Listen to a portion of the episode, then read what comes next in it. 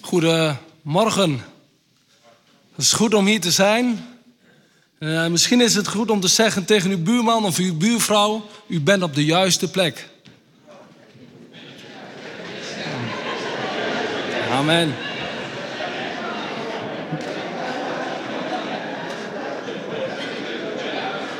En dat is namelijk omdat God hier is. Amen. En daarom mogen wij ook vol verwachting zijn. En uh, ja, we hebben het al gehoord. Deze ochtend gaan we ook avondmaal vieren. En hoe bijzonder is dat, dat we mogen vieren, dat we een levende God dienen. Maar vandaag geloof ik ook echt dat de Heer mij een boodschap op het hart heeft gelegd voor deze gemeente, voor jullie. En mijn thema deze ochtend is de kracht van vergeving brengt overwinning. En daar zullen we straks meer van horen. Maar ik wil eerst met jullie het woord in gaan duiken. En ik wil eigenlijk gaan kijken naar een, een heel bekende Bijbelgedeelte. Ik denk dat je het vast wel eens van hebt gehoord.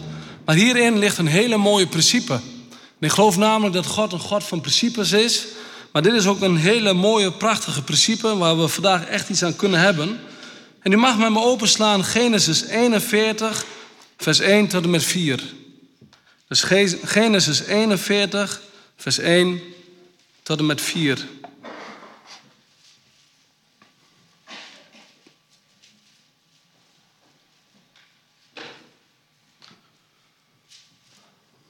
En daar staat, en het gebeurde na verloop van twee volle jaren dat Farao droomde. En zie, hij stond aan de Nijl. En zie, uit de Nijl kwamen zeven koeien op, mooi van uiterlijk en vet van vlees. En zij graasden in het rietgras. Maar zie, na hen kwamen uit de Nijl zeven andere koeien op, lelijk van uiterlijk en mager van vlees. En ze gingen bij de andere koeien aan de oever van de Nijl staan.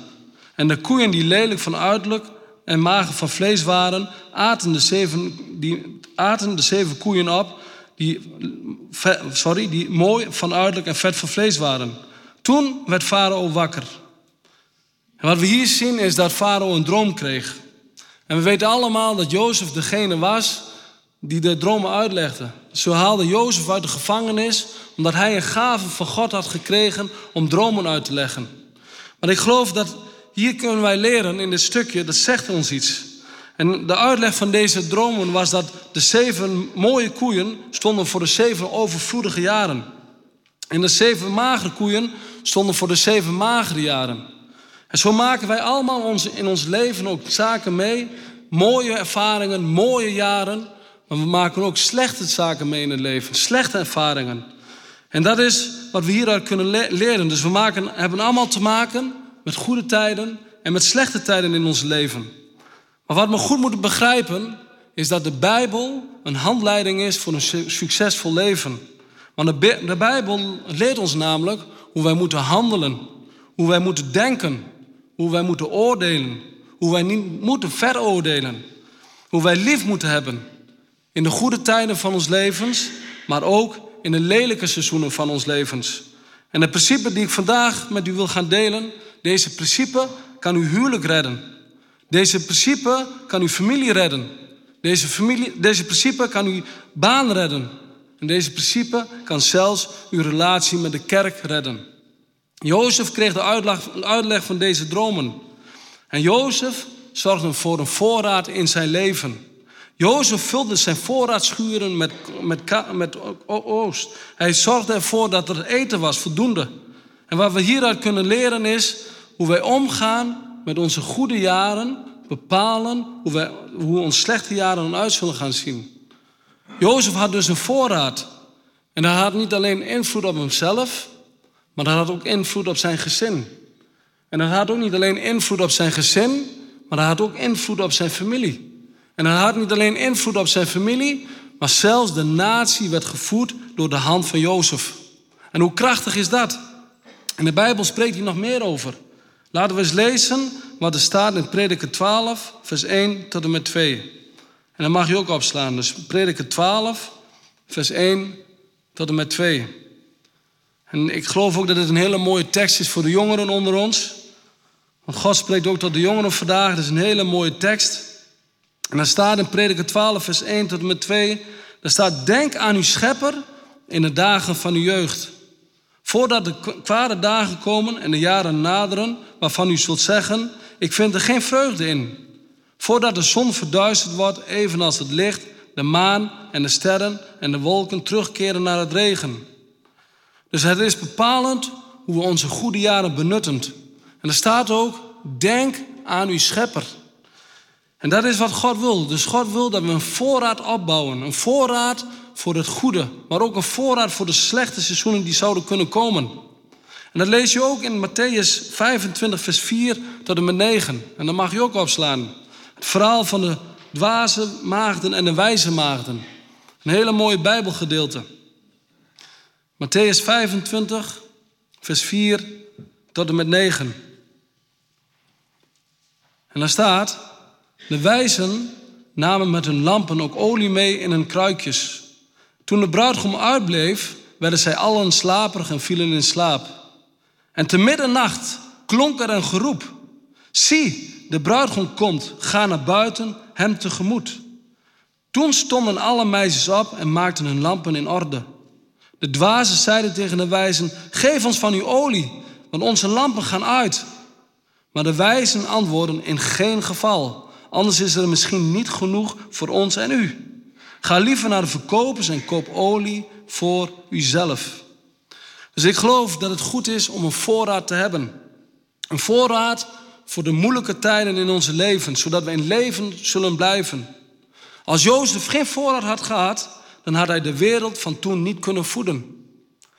Maar de vraag deze ochtend is: is uw kruik gevuld met olie? Heeft u een voorraad in uw leven, zodat u overvloedig bent in de mindere seizoenen? Maar dat niet alleen. We hebben ook een voorraad nodig. Want we hebben net gelezen dat Jezus, hij komt terug. En hoort u ook het geroep. Zie, de bruidegom komt. Ga naar buiten, hem tegemoet. De wijze maagden hadden een keus gemaakt om extra olie mee te nemen. Dus de keuzes die wij maken zijn belangrijk. En ik dacht erover na, er zijn eigenlijk twee zaken die belangrijk zijn. En natuurlijk meerdere. Maar in dit geval Nummer 1 is onze keuze. En nummer 2 is onze respons op God. Weet u, God heeft ons een vrije wil gegeven. God laat u zelf kiezen. Hij laat u beslissen. En hij dringt zich niet aan u op. U mag zelf kiezen. En er is niemand anders die dat voor u kunt doen. Maar wat u goed moet begrijpen is, is dat terwijl wij, terwijl wij power hebben om een keuze te maken, hebben de keuzes power om ons te maken. Ik zal hem herhalen. Dus terwijl wij de power hebben om keuzes te maken, hebben keuzes power om ons te maken. Dus onze keuzes maken ons. En dat zien we ook in het leven van Simpson. Simpson was een richter, een krachtige man voor God. Hij was daar neergezet als de gezalfde. En er was niemand in de omgeving, niemand op de wereld die zo sterk was als hem. En we kennen allemaal het verhaal van Simpson. Op een gegeven moment viel hij in zonde. En wat je daaruit kunt leren is, het eerste wat de vijand deed bij Simpson, is dat hij de ogen uitstak van Simpson. Zijn zicht werd uit hem genomen. En dat is wat de vijand wil. Hij wil onze zicht uit ons nemen, zodat we het niet meer zien. En zo maken we allemaal zaken in onze levens mee. Maar we hebben allemaal een keus hoe wij ermee omgaan. En wat ik probeer te zeggen, dat is, en hier komt mijn principe waar ik het vandaag over wil hebben. Farao had een droom over de zeven vette koeien en de zeven magere, lelijke koeien. En deze lelijke koeien aten deze mooie koeien op. En dat is het. Als wij niet oppassen, dan kan het zijn dat het slechte in ons levens onze goede tijden zullen opeten. Zodat, wij in de, zodat het mager in ons levens het vette opeet. En dat is wat de vijand wil. Hij wil dat we gefocust zijn op onze pijn, op ons verdriet, op het slechte in ons leven, zodat wij het goede zouden vergeten. En voordat je weet, maak je een systeem in je gedachten die je begint te verslaan. En voordat je het weet, geloof je de leugens van de Satan. En daarom is een heldere geest ook zo belangrijk. En daarom zegt Petrus ook: wees nuchter en wees waakzaam, zodat we goed kunnen handelen, juist in deze slechte tijden. Want als ik goed denk, dan doe ik het goede. Want als ik slecht denk, dan handel ik juist verkeerd. Maar als, we goed denk, als ik goed denk, dan handel ik goed. En daarom zegt het woord van God ook: bedenk de dingen die boven zijn. Een hele bekende tekst. En laten we eens lezen wat er staat in Colossensen 3, vers 1 tot en met 4. En dan mag je opslaan. Colossensen 3, vers 1 tot en met 4.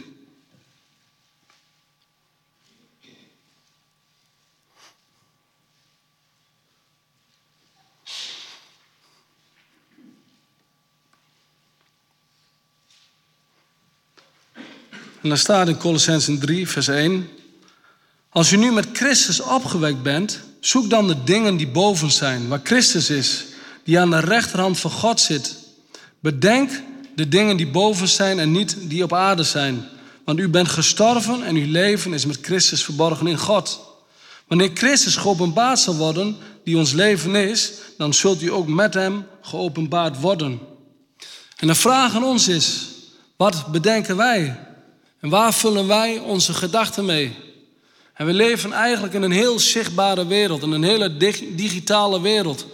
We weten allemaal als we onze telefoons opslaan en je bent op internet aan het kijken, dan kunnen er zomaar reclames voorbij komen die je eigenlijk niet zou willen zien. Maar je kunt heel makkelijk tegenwoordig in verkeerde bronnen terechtkomen. En dat kan je gevangen nemen. En maar de vraag is, waar vullen wij onze gedachten mee? En als we hier verder lezen, geeft God ook het antwoord wat we hiermee kunnen doen. En dat is zo mooi van het woord van God. Er staat in vers 5 van Colossensen 3. Laten we ook eens lezen wat daar staat. En dat is het antwoord op deze verkeerde gedachten die wij ontvangen. Er staat dan in vers 5: Dood dan uw leden die op aarde zijn: ontucht, onreinheid, hartstochten, kwaad en begeerte en hebzucht die afgoderij is. Dus dat is het antwoord. Het antwoord is de dood. We moeten deze dingen in de dood brengen. En dat woordje dood, ik heb het eens opgezocht. En het betekent ook in de grondtekst, betekent het van kracht beroven, de kracht van iets vernietigen.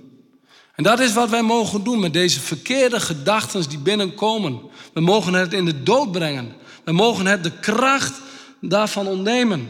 Omdat Hij ons de overwinning heeft gegeven, is dat mogelijk. En we mogen deze onreine gedachten brengen onder Zijn heerschappij. En we kunnen deze gedachten doden door het werking van het verbrachte werk aan het kruis. En dat is wat we vandaag ook vieren. Dat Hij de overwinning heeft behaald, ook juist op onze gedachten. En hoe mooi is dat? En daarom moeten we onszelf ook regelmatig checken. Zodat we geen stinkende gedachten krijgen. Maar ons laten reinigen door het bloed van het lam. En door het woord van God. En daarmee reinigen we onszelf. Zodat we niet zouden toelaten dat het slechte het goede zou opschrokken. En dat is niet wat God wil voor u en voor mijn leven. Ik wil mijn gedachten vrij houden van onreine gedachten. Ik wil helder van geest zijn. Ik wil niet toelaten dat de teleurstellingen van het verleden het goede van de toekomst zullen overmeesteren. Teleurstelling, dat ligt op de loer. En als ik u zou vragen, wie is hier wel eens teleurgesteld geweest? Steek uw hand eens op dan zouden we allemaal onze hand opsteken. Ik geloof dat we ergens allemaal wel eens teleurgesteld zijn geraakt. En misschien ben je wel teleurgesteld geweest in de kerk. Of misschien ben je teleurgesteld in uw huwelijk. Of in uw gezin. Of uw werk. Of wat u is overkomen. Maar ik wil u zeggen, je verleden bepaalt niet je toekomst. Je hebt de kracht om los te komen van oude patronen en een nieuw erfenis te creëren. Dat is wat God ook wil voor jou en mijn leven. Laat het slechte het goede niet verslinden. Maar weet u wat zo mooi is? God kan met de kromme stok een rechte slag slaan. Amen. En dat lezen we zo mooi in Romeinen 8, vers 28. En dan mag u er ook bij opzoeken. Romeinen 8, vers 28. Een hele mooie Bijbeltekst. En er staat, en we weten dat voor hen die God liefhebben, alle dingen medewerken ten goede. Voor hen namelijk die overeenkomstig zijn voornemen groepen zijn. Wauw, is dat niet mooi? Dus God kan zelfs het slechtste werken ten goede. God gebruikt de blauwe plekken van het leven. Juist hetgene waarvan wij denken dat het ons disqualificeert. En dat is wat God wil gebruiken om in onze levens te gebruiken, ook voor andere mensen. Zodat jij jouw blauwe plek mag gebruiken voor een ander. Zodat jij mag gaan spreken van, hé, hey, dit is mij overkomen. En zo ben ik ermee omgegaan. En dat is ook wat God wil. God is bij machten het slechte ten goede te keren. Maar het zijn wel vaak de moeilijke momenten dat ons leert om weer op onze knieën te gaan. En ik weet nog, afgelopen jaar 2022 was een bijzonder jaar, ook omdat de oorlog uitbrak in Oekraïne. En uh, ja, dat had ook invloed op de economie in Nederland. En dat had ook invloed bij ons op het bedrijf. Wij zitten in de metaal en we zijn ook afhankelijk van de metaalprijzen. Maar toen de oorlog uitbrak, was het zo dat de metaalprijzen als een malle de lucht inschoten. Dus de orders bleven uit en dat had ook invloed dus bij ons op het bedrijf. En ik weet nog heel goed dat het juli was. En toen belde onze accountant belde mij op en hij zei: Joël, er moet dan wel iets gaan gebeuren. Want als, als er niet wat gebeurt, dan moeten we andere maatregelen treffen. En ik moet eerlijk zeggen, dat kwam best bij me binnen. En ik dacht van ja, nu heb ik een keus. Wat doe ik hiermee? En ik ben naar God gegaan, ik samen ook met mijn broer. We hebben daar ook voor gebeden. En we hebben in Gods handen gelegd. Maar toen kwam het erop neer, wat doen we? Blijven we vertrouwen of verschieten we weg in angst? En we zijn blijven vertrouwen en we hebben geloof uitgesproken. En het mooie was, het einde van het jaar, het laatste kwartaal, heeft God ons zo gezegend dat we nog meer omzet hadden gedraaid dan het jaar ervoor. En dat is mooi. Maar God wil soms wel kijken hoe je met bepaalde situaties omgaat. En zo gaat God ook met u en mij aan het werk. En daarom wil God ook, door die proces nemen, wil Hij ons ook louteren. Hij wil ons vormen. Maar weet u, in onze zwakheden kunnen we toch sterk zijn. En daarom zegt Paulus ook in 2 Korinthe 12, vers 9 tot en met 10. Dat zegt Paulus, maar hij heeft tegen mij gezegd, mijn genade is voor u genoeg. Want mijn kracht wordt in zwakheid volbracht. Daarom zal ik veel liever roemen in mijn zwakheden, omdat de kracht van Christus in mij komt wonen. Daarom heb ik een behagen in zwakheden, in smadelijke behandelingen, in noden, in vervolgingen, in benauwdheden, om Christus wil. Luister wat er staat. Want wanneer ik zwak ben, dan ben ik machtig. Wauw, dat is toch powerful? Dus Paulus zegt hier met andere woorden: ook al behandelen ze mij slecht, ook al word ik vervolgd, ook al ben ik zwak, toch ben ik machtig. En ik laat niet toe dat het slechte het goede overwint. Laat het slechte het goede niet opeten. En misschien ben je daar door een scheiding gegaan. En misschien ben je een dierbare verloren. Misschien ben je baan kwijt. Of ben je failliet gegaan. Maar laat het slechte het goede niet overwinnen. Als God je door een storm laat gaan, dan is dat niet om jou kapot te maken. Maar het is te laten zien wie Hij is. Maar we hebben allemaal de mogelijkheid om keuzes te maken. En zo werkt het met vergeving ook. Ik heb verschillende mensen gezien in mijn leven die echt moeilijke zaken hebben meegemaakt. En ik heb ook gezien dat sommigen er verschillend mee omgingen. Maar ik heb ook gezien dat de, dat de sleutel vergeving is. En ik moest zo denken aan het verhaal van Corrie de Boom, een heel bekende ja, spreekster was zij. En u kent haar verhaal waarschijnlijk wel. Maar zij groeide op in Haarlem. En samen met haar familie, en de Tweede Wereldoorlog brak uit. En zij kregen allemaal uh, Joodse onderduikers in het huis. En op een gegeven moment was het dat zij werden verraden. En ze werden allemaal opgepakt, allemaal naar een concentratiekamp gebracht. En het was dat Corrie de Boom daar met haar zusje kwam te zitten. En ze werd daar zo slecht behandeld dat haar zus daar uiteindelijk te kwam overlijden. En wat moet dat heftig ook voor haar moeten zijn geweest? Stel je eens voor dat je daar bent met je zus of met je broer of met een familielid en dat zij komt overlijden. Wat heftig. Maar het was dat ze vrij kwam, dat God haar had geroepen om het evangelie te brengen over de hele wereld. En ze kreeg een krachtige bediening van God. En er was een aantal jaren later dat zij daar was bij een spreekbeurt. Ze was uitgenodigd. En op een gegeven moment kwam ze een kampbul tegen. Die daar ook in die kamp had gewerkt. En toen moest zij kiezen. Kies ik voor vergeving? Of neem ik het niet toe in mijn hart en heb ik de last en pijn van? Toen kwam het erop neer. Zij moest kiezen voor vergeving. En ik kwam een hele mooie quote tegen. In deze quote staat: Vergeven doe je vooral voor jezelf. Vaak zal de persoon die je iets heeft aangedaan zijn eerdere gedrag blijven ontkennen en niet veranderen. Maar als jij vergeeft, dan blijf je niet langer vastzitten in de gevangenis die zij voor jou hadden bestemd. Is dat niet mooi? En ik wil even terug naar het verhaal van Jozef. Jozef die ook zelf heel veel in zijn leven had meegemaakt. Hij had heel veel pijn en heel veel verdriet gekend. Hij verloor op jonge leeftijd verloor hij zijn moeder. Hij werd niet geaccepteerd door zijn broers. Het waren zijn eigen broers die hem in de put gooiden. Hij werd verkocht als slaaf. Hij werd gescheiden van zijn vader. Hij werd een vreemdeling, vreemdeling in het land Egypte. Hij werd verleid en vals beschuldigd. Hij werd onschuldig gevangen gezet. Hij werd vergeten door de schenker. Maar toch koos Jozef voor vergeving. En was er dan geen pijn? En was er dan geen verdriet?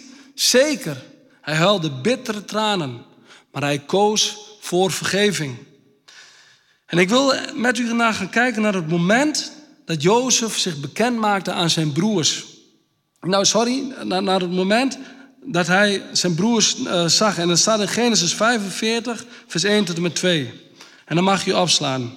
Genesis 45, vers 1 tot en met 2. En ik geloof dat hier echt een hele mooie boodschap in ligt.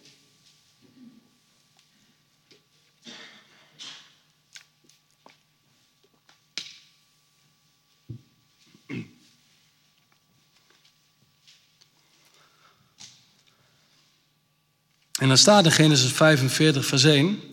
Toen kon Jozef zich niet meer bedwingen voor allen die bij hem stonden. En hij riep, laten ieder van mij weggaan. Er stond niemand bij hem. Toen Jozef zich aan zijn broers bekend maakte, hij huilde zo luid dat de Egyptenaren en het huis van de farao het hoorden. En wat ik net al zei is dat Jozef hevig weende. Maar hier ligt een boodschap in. Voor uw huisgezin en voor de gemeente van Christus. Er staat namelijk dat Jozef zo hard huilde dat het gehoord werd in het huis van Egypte. En dat het gehoord werd door de Egyptenaren. En Egypte, dat staat voor de wereld. En ik geloof dat de wereld zal gaan horen dat de vergeving zal plaatsvinden in het huis van de Heer. Ik geloof dat de wereld zal gaan horen dat de vergeving zal plaatsvinden in uw huis. Hoe mooi is dat? En dat is wat God wil. God wil dat we elkaar zullen vergeven. En God wil dat we elkaar lief zullen hebben. Dus als je nog wat tegen je broeder of je zuster hebt, maak het in orde. Maar dat is de wil van God. En weet u wat zo mooi is? Het moment dat Jozef zijn broer zag, dacht hij niet, dit is mijn kans om wraak te nemen. Maar, maar laten we eens lezen wat er staat in Genesis 42, vers 8 en 9. Want Jozef dacht aan iets. En dat staat hier zo prachtig in. En dan staat in Genesis 42, vers 8 en 9. Dan staat Jozef herkende zijn broers, maar ze herkenden hem niet. En luister wat er staat. Toen dacht Jozef aan de dromen die hij over hen had gekregen. Hij dacht aan de dromen van God. Hij dacht aan de dromen die hij had ontvangen. Als ik Jozef was geweest, had ik gedacht aan mijn pijn, aan mijn verdriet misschien wel. Aan het moment dat ik mijn moeder verloor. Aan het moment dat ze mijn jas van me afscheurde. Of dat ze mij hadden geslagen. Of aan het moment dat ze mij in de put gooiden. Maar Jozef dacht aan zijn dromen. Hij was bezig met wat God voor ogen had. En dit liet God mij zo duidelijk zien. Dat Jozef een typebeeld is van Jezus. Jozef werd niet geaccepteerd door zijn broers. Jezus werd niet geaccepteerd door zijn Joodse broers. Jozef werd verkocht als slaaf. Jezus werd verkocht voor 30 zilverstukken. Jozef kwam in de put. Jezus kwam in de put van het dodenrijk. Jozef werd onschuldig gevangen genomen. Jezus werd onschuldig gevangen genomen. Maar, maar toch koos Jozef voor vergeving. En Jezus koos voor vergeving. Wat staat ook in Lucas 23, vers 34. En daarom vind ik ook zo mooi dat we vandaag ook avondmaal mogen vieren, want het sluit er zo mooi bij aan. En dan zegt Jezus in Lucas 23, vers 34. En Jezus zei, Vader, vergeef het hun, want zij weten niet wat ze doen. Jozef had de droom voor ogen. Jezus heeft jou voor ogen. Jij bent zijn droom en hij wil niet dat jij verloren gaat. Hij dacht aan jou. Toen Jezus, Jozef voor zijn broer stond, dacht hij aan zijn droom. En toen Jezus aan het kruis hing, dacht hij aan jou. Laten we eens lezen wat er staat in Hebreeën 12, vers 1 tot en met 2. Hebreeën 12, vers 1 tot en met 2. En er staat: Wel nu, laten wij nu wij door zo'n menigte van getuigen omringd worden, afleggen alle last en zonde die ons zo gemakkelijk verstrikt. En laten wij met volharding de wedloop lopen die voor ons ligt, terwijl wij het oog gericht houden op Jezus, de leidsman en voleinder van het geloof. Luister wat er staat. Hij heeft om de vreugde die in hem in het vooruitzicht was gesteld, het kruis verdragen en de schande veracht en zit nu aan de rechterhand van de troon van God. Dus wat we net hebben gelezen, er staat, hij heeft om de vreugde die hem in het vooruitzicht was gesteld, het kruis verdragen. Jozefs dromen gingen over koren, schoven en oost. Jozef vulde zijn schuren met koren. Toen Jezus aan het kruis hing, dacht hij aan zijn oogst, die hij voor ogen had. En jij bent zijn vreugde, jij bent zijn droom. En hij wil niet dat jij verloren gaat. Vindt u dat niet prachtig? Jozef dacht aan zijn droom. Jezus dacht aan zijn droom. Hij heeft ons voor ogen gehad terwijl hij daar aan het kruis hing. Maar hij zag jou. En God wil dat niemand verloren gaat. En daar staat ook zo prachtig een heel bekende tekst. Johannes 3, vers 16. En laten we ook de versen 17 en 18 lezen. lezen. Want er staat, want zo lief heeft God de wereld gehad. Dat hij zijn enige geboren zoon gegeven heeft. Omdat een ieder die hem gelooft niet verloren gaat, maar eeuwig leven heeft. Want God heeft zijn zoon niet in de wereld gezonden omdat hij de wereld zou veroordelen, maar omdat de wereld door hem behouden zou worden. Wauw. Wie in hem gelooft, wordt niet veroordeeld. Maar wie niet gelooft, is al veroordeeld, omdat hij niet geloofd heeft in de naam van de enige zoon van God. En dat is wat wij allemaal mogen voor kiezen.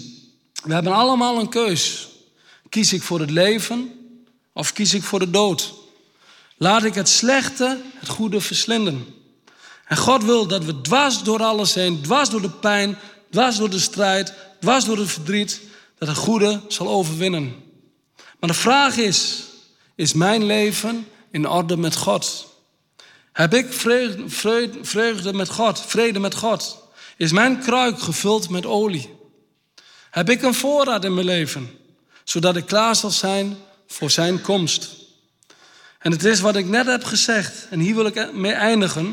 In Hebreeën 12, vers 2. En dan zegt het woord, en laten wij met volharding de wedloop lopen die voor ons ligt. Terwijl we het oog gericht houden op Jezus, de leidsman en voleinder van het geloof. Dwars door de pijn, dwars door het verdriet, dwars door de teleurstelling, dwars door de scheiding, dwars door het verlies. Wil God dat we ons oog gericht houden op Hem zodat wij het goede voor ogen zullen houden. Jozef had een droom voor ogen. Jezus had een droom voor ogen. En als God jou een droom geeft, heeft Hij het einde al in gedachten.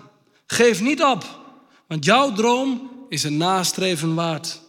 En we mogen onze oog gericht houden op Jezus.